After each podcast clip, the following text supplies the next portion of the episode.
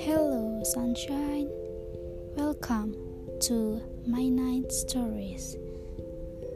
Dan topik yang kubawakan ini hanya sebuah tulisan dengan imajinasi yang kubuat sendiri, yang kubuat dengan tangan dan pulpen. Sebuah pena yang menemani malam hariku dan secarik kertas untuk menetiskan tinta yang ada. So, keep silent and be enjoy. Bukankah malam itu indah? Bintang dan bulan menyinari bumi. Bumi yang gelap tanpa adanya matahari, bulan, dan bintang. Lalu mereka diperintahkan olehnya untuk menerangi bumi ini. Tuhan, malam ini gelap. Bukan bumi yang gelap, tapi hati dan pikiranku.